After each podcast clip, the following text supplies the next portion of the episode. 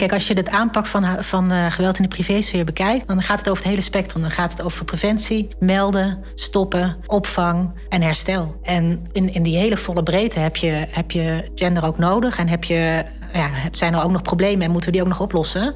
Uh, nou, wereldwijd lijkt er inderdaad een backlash te zijn als het gaat uh, over gendergelijkheid. Tegelijkertijd moeten we ons afvragen of het niet een wanhoopspoging is om de vooruitgang hierop tegen te houden, of dat we echt achteruit aan het gaan zijn. Goedendag, welkom bij de podcast Liefde kent geen dwang. Een podcast van kennis- en expertisecentrum Landelijk Knooppunt Huwelijksdwang en Achterlating. In deze podcast duiken we samen met boeiende gasten in de verhalen die schuilgaan achter onvrije partnerkeuze, liefde en loyaliteit binnen verschillende gemeenschappen en de aanpak van huwelijksdwang en achterlating.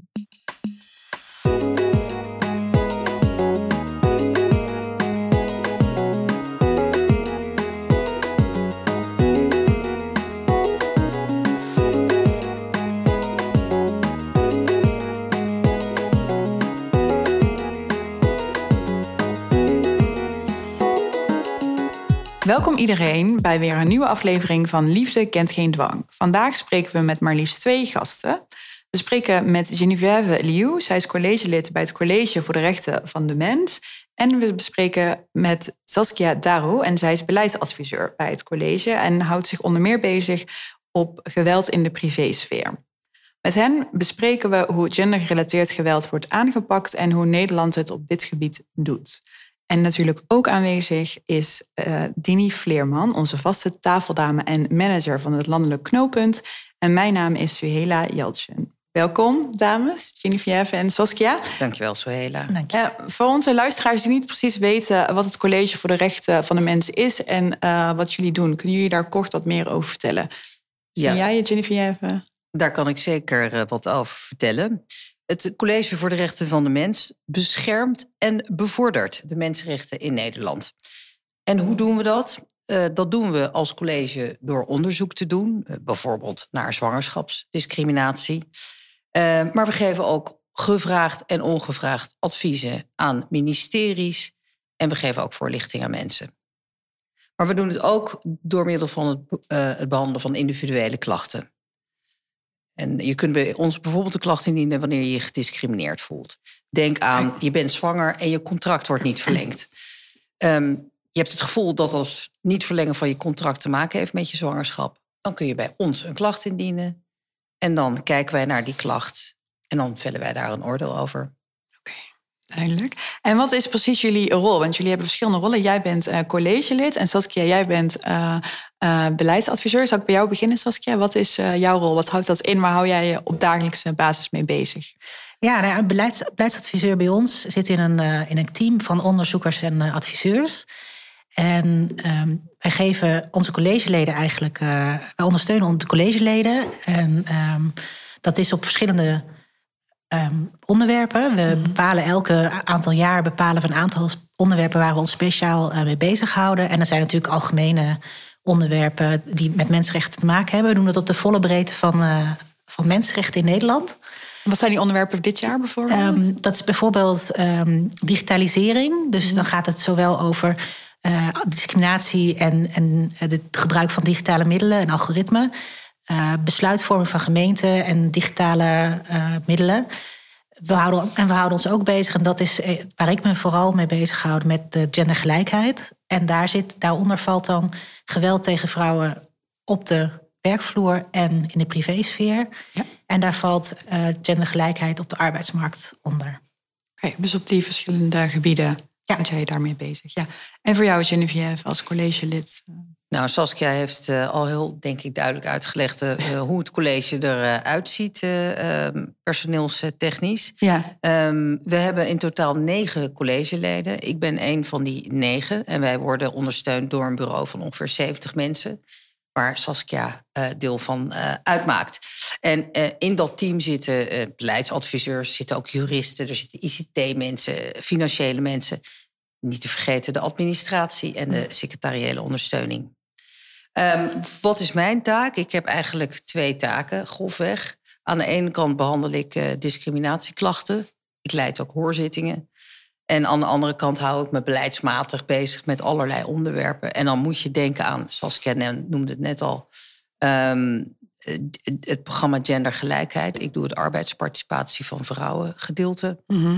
Eh, daarnaast hou ik me bezig met bijvoorbeeld LHBTI-rechten, maar ook met de rechten van mensen in Caribisch Nederland.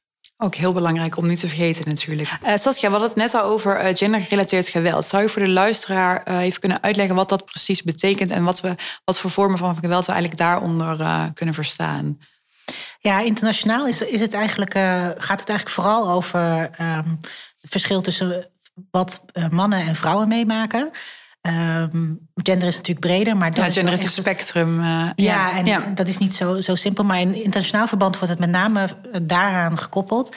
En hoe het dan daar gedefinieerd wordt, is eigenlijk um, geweld wat vrouwen aangedaan wordt omdat ze vrouw zijn, of geweld waar ze um, meer dan ja, meer dan verhoudingsgewijs uh, logisch zou zijn, slachtoffer van worden.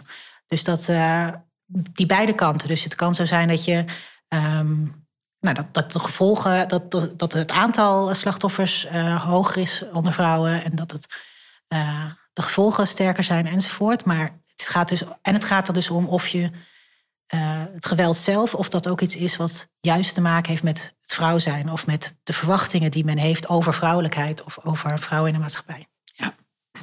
Helder. Um, en en achterlating, vallen die daar ook onder? Valt dat ook onder gendergerelateerd geweld? Hoe zou je dat... Ja, het is niet, het is niet in alle internationale verdragen dat het heel erg goed wordt aangegeven. Mhm. Maar er wordt eigenlijk wel altijd naar verwezen. Het zij in, de, in een verdrag zelf of in een, ja, wat dan heet een algemene, algemene aanbeveling, general recommendation. Um, dus, daar zit, dus daar, daar, zit er zeker in. Maar er zijn ook nog aparte internationale verdragen die juist gaan over uh, huwelijk en uh, de vrijheid om te trouwen met wie je wil. Of niet te trouwen met wie je niet ja, wil. Ja, dat ook. Ja. En Dini, hoe zie jij dat? Uh, vanuit het landelijk knooppunt? Ja, ik deel dat wel. Ik denk dat gendergerelateerd uh, geweld ook iets zegt over, um, over de verschillen, machtsverschillen tussen mannen en vrouwen, die te maken hebben met, uh, met de rolopvatting die we hebben op wat mannen en vrouwen moeten doen. En dat daar een disbalans in ziet. En dat zien wij bijvoorbeeld, denk ik, heel erg duidelijk ehm, bij achterlating. Um, zeker bij vrouwen die een partnerafhankelijke verblijfsvergunning hebben. Uh, die zitten dan toch in een hele afhankelijke positie. Um, uh, van, uh, ten opzichte van hun uh, echtgenoot. Wij zien wel dat ze bijvoorbeeld in hun leven in Nederland soms de taal niet spreken, hun weg niet goed kunnen vinden in de Nederlandse samenleving. Soms ook niet um, zelf hun eigen post openmaken, dat niet kunnen lezen, geen beheer hebben over hun eigen reisdocumenten. En um, dat daardoor de kans op slachtofferschap, bijvoorbeeld in een achterlating, toch wel ernstig vergroot wordt. Het College voor de Rechten van de Mens heeft een aantal jaar geleden ook een rapport uitgebracht hè, over het verdrag van Istanbul. Um, voordat we daarop ingaan, kunnen jullie uitleggen wat uh, die Istanbul Convention eigenlijk inhoudt? Ja, daar kan ik wel even kort iets over zeggen. Um, uh, het is een verdrag dat op Europees niveau is uh, afgesloten. En uh, in dat verdrag um, ja, hebben de landen met elkaar afgesproken um, hoe ze omgaan met het bestrijden van geweld tegen vrouwen en huiselijk geweld. In een notendop. Ja. Um, en het klopt, wij hebben inderdaad uh, een aantal jaar geleden onze eerste rapportage uitgebracht over uh, het verdrag van Istanbul. Dat, hebben we, dat rapport hebben we ingeleverd bij GVO. En GVO is een commissie van experts die toezicht houdt op de naleving van dat uh, verdrag. Ja, dus je controleert eigenlijk hoe de verschillende landen die aangesloten zijn bij dat verdrag het ook nale naleven. Klopt. Ja. En dan uh, nadat, ze dat, uh, nadat ze iedereen hebben gehoord, en dan moet je denken aan de regering van Nederland, maar ook partijen zoals wij, um, schrijven ze een aantal aanbevelingen. En in ons geval, dat wil zeggen in het geval van Nederland, uh, hadden ze toch wel een aantal kritiekpunten. Uh, zo hadden ze bijvoorbeeld commentaar over uh, de coördinatie. Ze vonden dat er te weinig nationale coördinatie was. ze vonden ook dat er beter onderzoek moest worden gedaan. Ehm, cijfers is vaak een aandachtspunt, hè, want uh, we registreren helaas nog niet in heel Nederland op dezelfde manier als het gaat over uh, geweld. En een ander punt was ook Caribisch Nederland.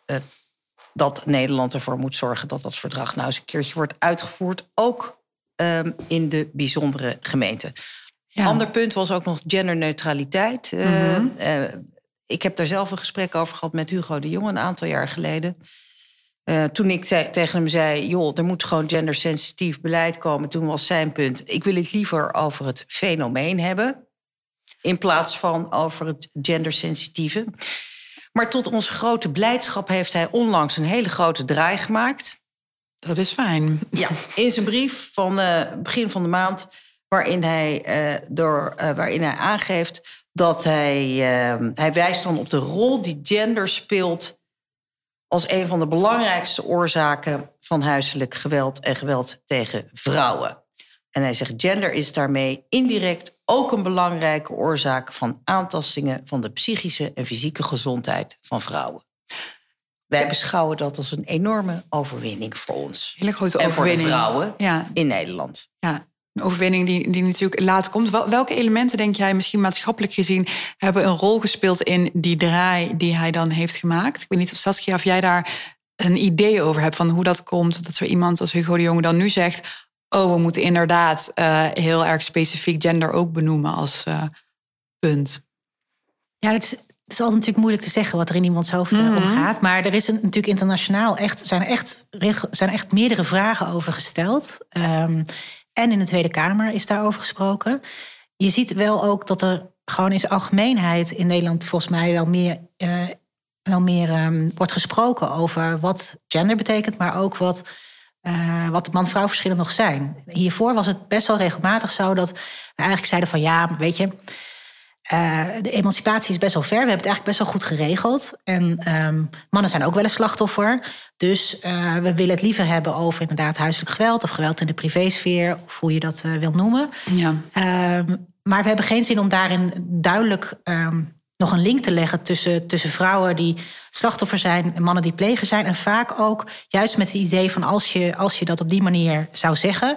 dan zou je bijna zeggen er zijn geen mannen slachtoffer. En er zijn maar het is natuurlijk iets heel anders eigenlijk. Het is zo zwart-wit is het niet. Het betekent zo zwart-wit is het niet. En nee. het gaat ons eigenlijk ook niet alleen maar over de cijfers... van hoeveel vrouwen en hoeveel mannen. Maar het gaat ons zo over dat als je het fenomeen wil begrijpen dat je dan meer um, kennis moet hebben en meer begrip moet hebben over de verwachtingen die, er, die, zich, die, die mensen hebben en die we als maatschappij hebben van mannen en vrouwen. Dat heeft te maken met aan de ene kant um, de verwachtingen die er zijn over bijvoorbeeld huwelijk.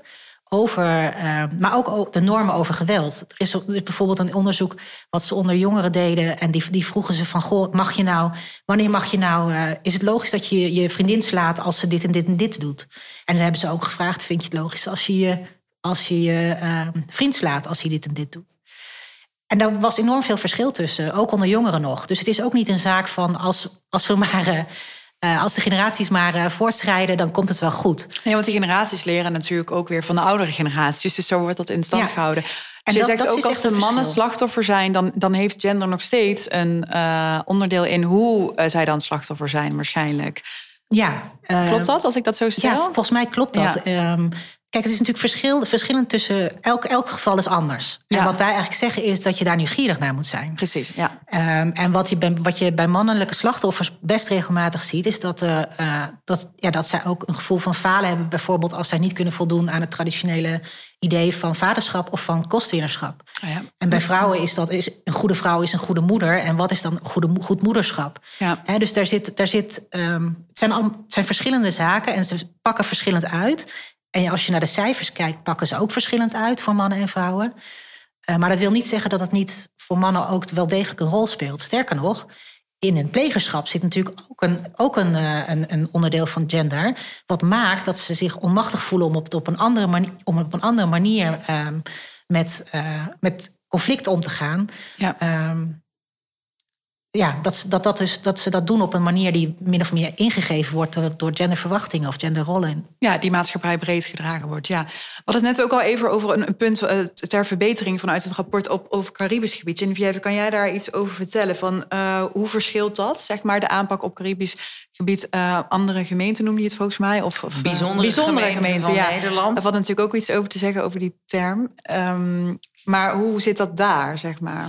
Uh, Saskia, vul me vooral aan. Um, wat ik weet uh, uit de praktische informatie die ja. ik heb van de eilanden... is dat zij um, huiselijk geweld wordt aangepakt. Daar is aandacht voor. Er zijn sinds kort ook vrouwenopvangen op de eilanden. Wat fantastisch nieuws is want dat was er tot voor kort niet. Ja, is dat echt pas sinds. Uh... Ja, dat is nog niet zo lang. Dat was echt een probleem. Hm. Um, maar wat ze doen, uh, het is, um, de eilanden zijn vrij klein. Dat betekent dat de lijnen tussen bijvoorbeeld een politie, een OM en een ministerie van Sociale Zaken veel korter zijn. Dus het OM en de politie zitten er bovenop problemen die er zijn, worden gewoon praktisch tussen de verschillende organisaties opgelost. Waar het ons om gaat, is dat het ook niet alleen maar praktisch wordt geregeld, maar ook gewoon formeel wordt geregeld. Mhm. En dat, dat is een veel groter punt van ons, dat wij vinden dat mensenrechten in het hele koninkrijk en zeker in die bijzondere gemeenten overal hetzelfde zouden moeten worden uitgevoerd en nageleefd. Ja. Dat is dus niet zo, helaas nog. Helaas niet. Nou ja, wat je ziet in, wat je ziet in Caribisch Nederland is, um, is wel ook dat, het, dat er juist ook als het gaat over gender, dat het wel dat het een ander gezicht heeft dan in Nederland. Uh, maar juist daarom is het ook daar interessant om het daarover te hebben. Wat bedoel je dan met um, ander gezicht? Is het dat, dat... Dat, dat in heel veel gezinnen uh, um, er een enorme uh, um, last ligt op de, op de schouders van vrouwen, die, die eigenlijk het, het, hoofd van het gezin zijn. Ja, dus die hebben een andere mate van. En als wij wat, van gezin of Ja, dus en wat, wat, ja. zij, wat, wat ik begreep van mensen daar is dat ze zeiden van ja, als je. Um, uh, het, het, is helemaal, het, is, het is helemaal niet vanzelfsprekend. Voor, zeker niet als je wat generaties teruggaat. Dat, het, dat je een uh, relatie en een huwelijk kan hebben er, is een, er, zit, er zit een historie aan waar dat, waar dat gewoon niet zomaar komt. Natuurlijk ook een historie wat te maken heeft met het koninkrijk en de ja, en slavernij. En, en ja. um, wat zij aangeven is, en dus ligt er ook een hele grote druk op van als je nou een relatie hebt, als je nou een huwelijk hebt, dan moet het ook wel goed gaan. En dan... Dus het betekent eigenlijk dat al zijn de genderrollen uh, wat meer fluïde, wat daar eigenlijk is, dat het nog niet, misschien nog steeds niet betekent dat de vrouw minder snel slachtoffer is. Nee, dat het heeft een ander effect en het heeft, ja. uh, het heeft Kijk, mannen, mannen zijn, hebben daar wel een, ook een heel duidelijke rol. En een heel, er is een heel duidelijke verwachting van ze. Mm. En die is positief en negatief, maar die, ja. en die is wat anders dan in Nederland. Maar ja. ook daar moet je eigenlijk wel nieuwsgierig zijn in hoe werkt dat nou? Ja. En wat heeft dat nou voor invloed? En wat betekent dat voor de aanpak? En het, wat ze hebben ook vertelde is dat wat hier ook speelt en wat daar net zo goed speelt, is dat um, eigenlijk al die andere zaken, zoals bijvoorbeeld armoede en huisvesting, een enorme rol spelen. Ja. En ook daarin heb je dus de, de verschillen tussen uh, vrouwelijke uh, werknemers en mannelijke werknemers. Uh, vrouwelijke huisbezitters of mannelijke huisbezitters. Ja. Dat is niet per se altijd hetzelfde. En dat, de verwachtingen zijn daar, ook, daar dus ook verschillend over. Um, en dat is dus iets om te verkennen. Dus we zeggen ook niet van het is zo en dat betekent dat je zo moet, op in elk geval zo moet handelen.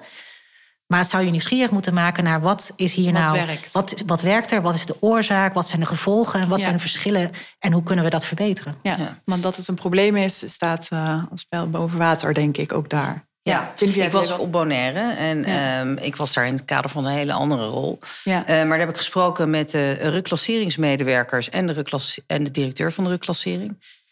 Uh, als het gaat om reclassering, maakt huiselijk geweld of geweld in afhankelijkheidsrelaties uh, is een heel belangrijk onderwerp in het kader van uh, de reïntegratie in de samenleving. En wat ik begreep was dat vrouwen niet onderdoen voor mannen als het gaat over dit soort geweld. Ja, ja, nee. Ja.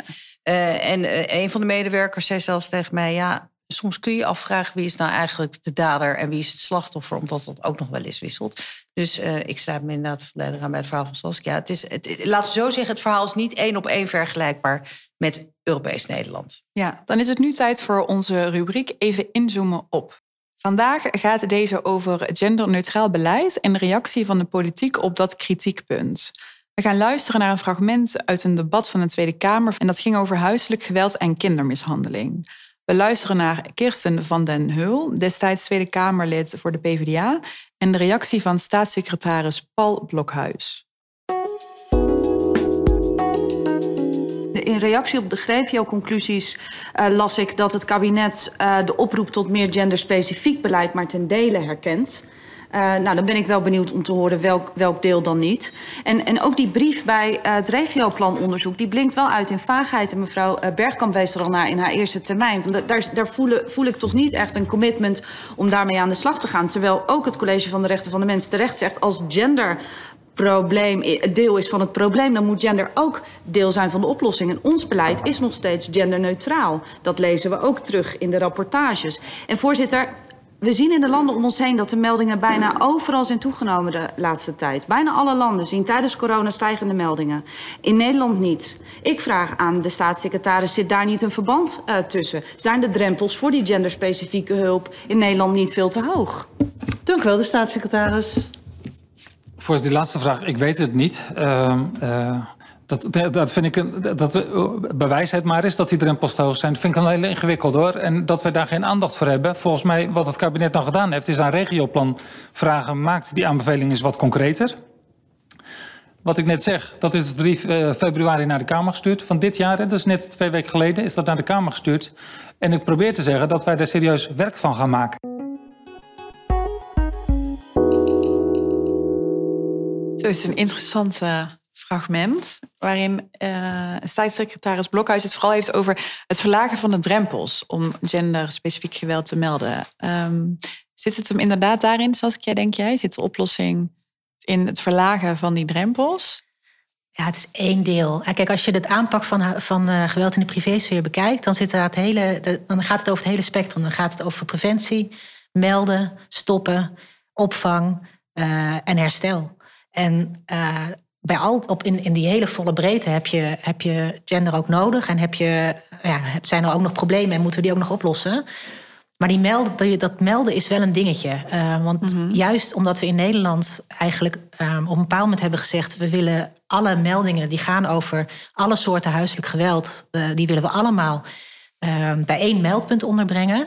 Dat heeft, um, dat heeft ervoor gezorgd dat, dat er, uh, als je gaat melden... dat je Um, of als je gaat kijken van waar kan ik terecht, dan kan je nu tegenwoordig um, terecht bij Veilig Thuis. Ja. Um, maar in de spreektaal is Veilig Thuis er toch eigenlijk wel een beetje voor, vooral voor de kinderen. Hmm. Uh, en dat betekent dus dat als je in een gewelddadige relatie zit, dat dat soms niet, niet direct aansloot. En vroeger was dat bij een steunpunt huiselijk geweld net een klein beetje anders. Dus er zit wel, er zit wel een, een kern van waarheid in.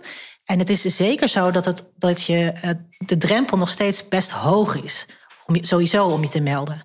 Uh, het is bekend dat vrouwen die, uh, die geweld meemaken vaak, nou ja, ik weet niet precies meer, maar echt jaren wachten voordat ze, mm. voordat ze aangifte gaan doen. En vaak ook dan nog twijfelen of ze wel aangifte moeten doen. En vaak ook terecht, want aangifte doen kan een moment zijn waarop juist geweld vervolgens weer escaleert. Ja, dat het toeneemt. Het is gewoon heel gevaarlijk natuurlijk om te ja, doen. Net als scheiding een, een, moment is dat geweld... Ja, dan denkt iedereen, ha, ze zijn uit elkaar. Dat betekent ja, dat, is juist echt dat het veiliger wordt. Maar het wordt juist gevaarlijker. Juist op die, nou ja, op die uh, crisismomenten.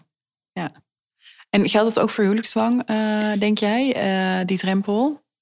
Oh, dat denk ik zeker. Omdat los van uh, dat het mogelijke consequenties kan hebben, zeg maar, uh, op, op meer geweld, zien wij ook dat de loyaliteit aan de familie, dat dat een hele grote rol speelt. Van op het moment dat je aangifte zou doen van een gedwongen huwelijk, dan raak je ook het contact met de familie kwijt. Terwijl dat juist zo belangrijk is. Dus wat wij zien... Je verliest je netwerk ook helemaal daarmee. Ja, ja. dat betekent dat je helemaal alleen staat. Ja. En alleen de rest van je leven moet vormgeven. En wat wij zien is dat dat juist um, een reden is om contact te houden met de familie. Dat jonge vrouwen als het ware instemmen of meegaan met die dwang voor dat huwelijk, omdat het behoud van die familie zo belangrijk is. En dat dat in feite belangrijker is dan de dwang die zij ervaren. Dus ik, ik denk dat dat niet helemaal een oplossing daaraan biedt en dat je het probleem integraler zou moeten bekijken. Ja. En hoe probeert het college, uh, Geneviève, uh, overheden en andere betrokken instanties zover te krijgen om ook naar die kritiekpunten te luisteren? Wat nu wel lichtelijk gebeurt, maar wat voor manieren doen jullie dat? Nou, dat doen wij op een heleboel verschillende manieren. Saskia uh, heeft onlangs uh, samen met collega's een, een, ik moet het even goed zeggen, ik noem het maar even een wegwijzer. Uh, gemaakt voor gemeenten. Mm -hmm. hoe ga je nou om met um, geweld in de privésfeer? Hoe kun je de aanpak, hoe kun je het beste aanpakken? Um, we, de, we, gaan regelmatig natuurlijk brieven ook naar het ministerie zelf toe. We hebben gesprekken met de uh, ministers die erover gaan. Ja. Dus gesprekken met de mensen die hier een rol in spelen. Ja, echt dat is eigenlijk het belangrijkste. Ja, denk ik ook. Ja, ja en natuurlijk wat, wat, we hier, nou ja, wat ook hiervoor gedaan is, uh, in input leveren aan, dat, uh, aan die uh, monitoring, um, aan, dat, aan, dat, aan die commissie. GVO, die dan weer een rapport uitbrengt aan de regering en vraagt om opheldering van de regering waarom ja. ze bepaalde dingen nog, wel, nog doen of anders doen of zouden moeten doen. Ja, wat, waarom die verbeterpunten er nog liggen. Uh, want het, die Istanbul Convention geeft ook de, de rijkdom om te, te kijken naar hoe andere landen dat doen. Hè? Want er zijn een aantal landen bij aangesloten. Ik weet uit mijn hoofd, ik dacht 17, maar ik weet helemaal niet of dat, of dat, of dat zo klopt. maar welke andere Europese landen um, doen het nou volgens jullie heel goed? Of van jullie denken, ja, daar kunnen we echt een voorbeeld aan nemen. Die hebben echt ja, op alle punten wel um, iets waarvan we kunnen leren.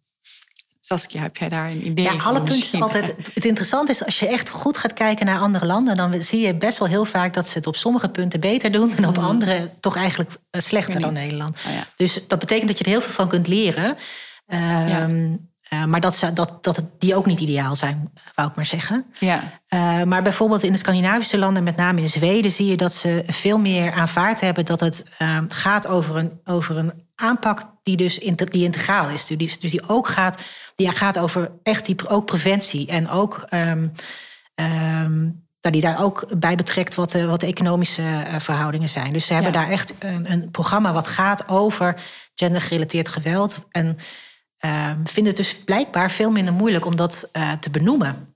Dus je ziet dat daar het gesprek veel uh, opener wordt gevoerd over: oké, okay, hoe zit dat nou met gender en met mm -hmm. het effect op, uh, op geweld? Wat ja. eigenlijk best wel interessant is, want je, wij zien vanuit Nederland Zweden echt als zo'n land van: ja, maar daar zijn ze nou onderhand, daar zijn ze, is iedereen onderhand genderneutraal of zo. Dus daar, daar hebben ze het niet meer over, mannen en vrouwen. En, nou, dat is dus wel degelijk zo. Ze, ze hebben het daar juist Ja, dat is over. juist misschien de kracht. Dat ze weten van, dat we doen het nooit helemaal goed, want er is altijd een vrouw of, of man slachtoffer. En dat dat de kracht is van, van hen. En volgens mij hebben we in Scandinavische landen er ook heel veel um, in het onderwijs. Zou dat helpen, denk je? Dat ze, dat ze daarover onderwijzen, echt over wat gender is. Wat hier natuurlijk nog steeds niet het geval is. Ja, het is heel. Um, ja, wat, wat interessant is, is dit Raad van Europa is, is, is het, um, is zeg maar, de, ja, daar is het, het verdrag van Istanbul is van de Raad van Europa. Ja. Dus dat wil zeggen dat daar ook bijvoorbeeld Rusland bij zit. Uh, hè, dus dat is een groter, uh, een groter aantal landen dan uh, de Europese Unie. Maar in de Europese Unie is er net een Nederlandse parlementariër aangesteld om te gaan rapporteren over de rol van mannen en jongens als het gaat over het bestrijden mm. van gendergerelateerd geweld. Dus dat, is een, dat is dus niet de Raad van Europa, maar de, de EU. Ja. Petra Stine gaat dat doen. En um, nou, ook dat is eigenlijk wel een voorbeeld van hoe je uh, hoe dat hoe, hoe de bril, de genderbril, maakt dat je uh, ja, op weer een andere manier gaat kijken van wat kunnen we er nou echt aan doen. En Ja. daar, je vroeg over het onderwijs en over opgroeien. Ja. Daar zit natuurlijk heel erg uh, ook de, de rol van mannen en jongens. Daar Uh, begint het Daar eigenlijk. begint hè, het, die, eh, precies. Ja. Ja. We hebben eh, een tijd eh, geleden, ik denk één of twee jaar geleden, gesprek gehad met eh, mensen van het ministerie van Onderwijs. Met de vraag: zou dit gewoon geen onderdeel moeten uitmaken van wat vroeger seksuele voorlichting heette? Ja. Eh, zodat kinderen, jongens en meisjes, op jonge leeftijd eh, leren eh, dat geweld niet normaal is in een relatie. Ja.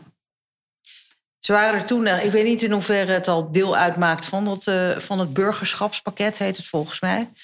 Ehm, maar dat eh, zou een, eh, een, denk ik een hele belangrijke zijn. Dat denk ik ook, ja. En dan jongens en meisjes en alle die zich anders identificeren ook. Want die hebben natuurlijk Ja, ook een grotere, uh, ja, groter risico. Hè? Wat jij ook al zei, LBTI. Uh, QE-gemeenschap om slachtoffer te worden van geweld. Ja, met name biculturele- of, eh, bi-plus vrouwen hebben Ja. een grotere kans. Ja, Eh, hebt lijkt het uit recent onderzoek. Want het is niet zoveel onderzoek naar gedaan. Maar Dat wat is er dus is, ook een verbeterpunt waarschijnlijk. Ja, breed goed onderzoek. Ja. Um, wat ook nu uh, um, speelt, is dat een aantal landen zich weer uit uh, de conventie hebben getrokken. waaronder ja, Turkije, dus Istanbul, de stad waar het, waar het ooit begon. Um, betekent dat, um, ja, dat, er, dat genderongelijkheid weer toeneemt. dat, dat deze landen die daar ooit heel erg voorstander van waren, en ook landen als, als Hongarije, dat zij zich weer uit zo'n conventie gaan trekken. Uh, nou, wereldwijd lijkt er een, inderdaad een backlash te zijn als het gaat over gendergelijkheid. tegelijkertijd moeten we ons afvragen of het niet een wanhoopspoging is om de vooruitgang hierop tegen te houden, mm -hmm. of dat we echt achteruit aan het gaan zijn. En wat wij in ieder geval heel belangrijk vinden, is dat wat we nu met z'n allen hebben bereikt, niet vanzelfsprekend is. En uh, we moeten waakzaam zijn en blijven. En uh, dat geldt niet alleen hiervoor, maar voor mensenrechten in het algemeen. Ja. Uh, liggen eigenlijk altijd onder vuur en behoeven gewoon onze constante aandacht. Ja, ja dus ook zeg je, als, als deze landen niet daar te veel op focussen, maar ook focussen op, oké, okay, um, um, ja, welke landen zetten zich nog wel in? En dat betekent overigens ook niet dat er geen uh, communities zijn natuurlijk in die landen die zich wel heel erg hiervoor uitspreken. Want dat is in Turkije nu ook gaande, uh, volgens mij. Ja, ja zeker. Ja. Um, en er zijn heel veel protesten uh, ja. tegen, tegen ja, die, die, die terugtrekkende beweging die je, die je lijkt te zien. Ja. Um, maar ik zou, het, ik, ik zou het jammer vinden als wij denken dat het die paar ook dat wij ook zouden denken dat het gaat om die landen en dat daar het probleem ligt. Uh, want zo simpel is het ook weer niet. Uh, het ligt overal. En er zijn in Nederland nog steeds ook enorm veel problemen. Uh, ja. Dus het is, het, het is heel erg belangrijk dat we ons ermee bemoeien. Ja, dus Nederland heeft ja. echt wel een actieve rol. En daar moeten we ons ook echt wel mee bemoeien. Maar tegelijkertijd moeten we ook niet vergeten in de spiegel te kijken. Nee, precies. Dus niet alleen maar de vinger wijzen. waar dit verdrag natuurlijk heel goed voor is.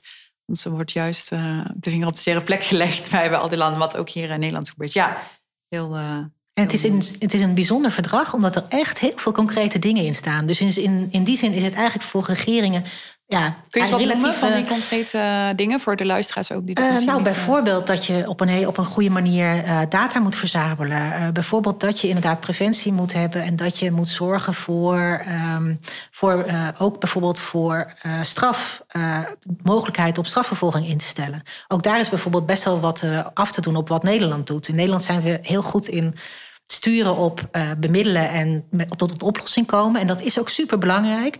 Maar het is echt opvallend hoe weinig uh, veroordelingen er in, uh, in verhouding zijn. Uh, Worden die veroordelingen dan specifiek aangemerkt als zeg maar veroordeling in gendergerelateerd geweld? Nee, nee, nee. Zo, nee. Dus, je, we, dus we weten het uit. Moeilijk. Nee, precies. Dus ja. we weten uit, uit uh, anekdotes, zeg maar, of uit um, wat. We weten van specifieke gevallen waarin we denken van goh, dat daar nou geen vervolging is ingesteld. Maar als je echt zou willen kijken, zou willen turven van hoeveel, uh, hoe, hoeveel vervolging is er nou eigenlijk, dan hebben we het probleem dat Veilig Thuis op de ene manier opschrijft wat, uh, wat geweld in de privésfeer is.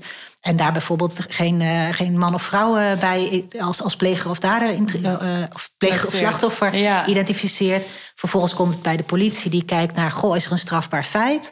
En dan gaat het dus niet over. Dan wordt wel wordt huiselijk geweld aangekruist als aandachtsgebied, niet, uh, als ja. een maatschappelijk uh, mm. aandachtsgebied. En vervolgens komt bij, bij het OM, en die kijkt niet naar huiselijk geweld, die kijkt naar is er mishandeling aan de, aan de, aan de hand, of is er poging tot moord, of is er bedreiging.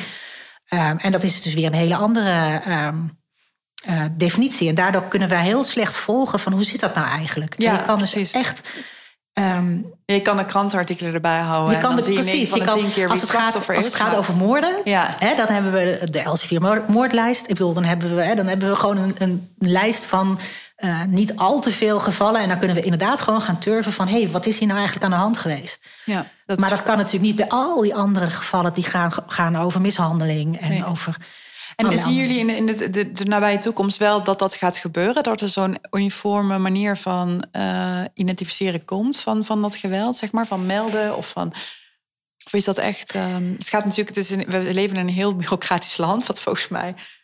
Eh, ja, en dat, dat was ook de de reactie van, eh, dat was ook de reactie van de minister. Eh, die, heeft de, die heeft op een bepaald moment ge- op Kamervragen hierover geantwoord van wat we niet willen is dat er meer administratieve romslomp komt. Nou, dat was ook niet echt ons ideaalbeeld.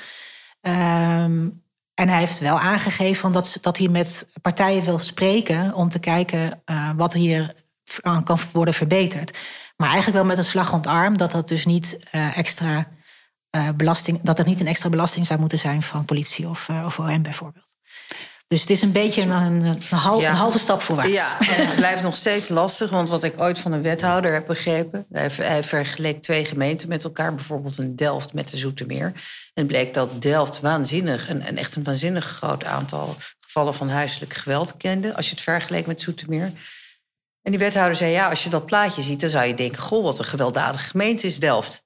Eh, maar hij gaf aan, ja, eh, het hangt er maar net vanaf... wie er ook bijvoorbeeld bij de politie op het dossier zit... en hoeveel aandacht daarvoor is. En dan kan het dus zijn dat het in de ene gemeente... gewoon veel hoger is, dat aantal. Omdat je een heel fanatiek iemand hebt zitten... dan bij een andere gemeente. Dus dat is ook nog wel een dingetje.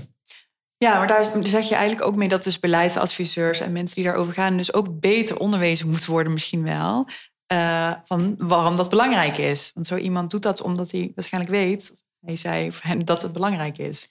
Ja, dus die systemen die moet je verbeteren. Niet Ja. alleen om er meer informatie uit te halen, maar inderdaad ook om het makkelijker in te vullen.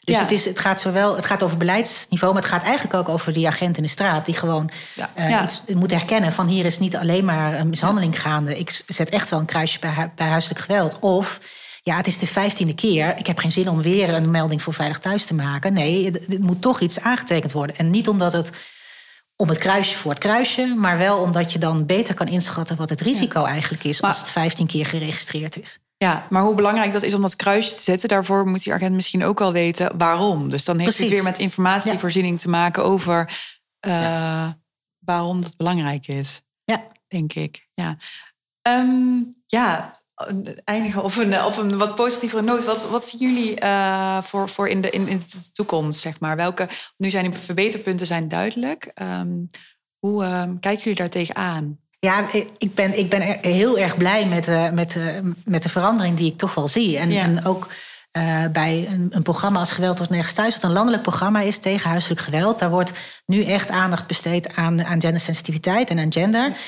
Ja, ja dit, is, is maar één punt van wat, wat er allemaal te verbeteren valt. Um, maar ik zie daar wel een, een positieve verandering in. En dat, uh, ja, dat is heel leuk om te zien eigenlijk. Uh, dat had ik, niet, niet zo, ja, had ik misschien niet, uh, niet verwacht op het begin van het jaar. Mooi. Ik ben het volledig eens uh, met Saskia. Ik, we hebben dat rapport ehm, over de, de uitvoering van het verdrag van Istanbul in november hebben november 2018 hebben we dat ingeleverd. Nou, we zitten drie jaar verder. Um, we zien al veranderingen. Ik denk dat we op zich niet ontevreden uh, mogen zijn. Er blijft natuurlijk nog steeds werk aan de winkel. En dat zullen ja. we ook uh, blijven doen. Aandacht vragen voor de rechten van uh, mensen die slachtoffer zijn of zouden kunnen worden van geweld in de privésfeer. Nou, dat lijkt me een mooi antwoord om mee te eindigen. Dankjewel, dames. Hiermee komt ook een einde aan deze aflevering van Liefde kent geen dwang. Bedankt Geneviève, bedankt Saskia en natuurlijk ook bedankt Dini. Wil je nou geen aflevering missen? Abonneer je dan op onze podcast Liefde kent geen dwang via je favoriete podcast-app. Tot de volgende keer.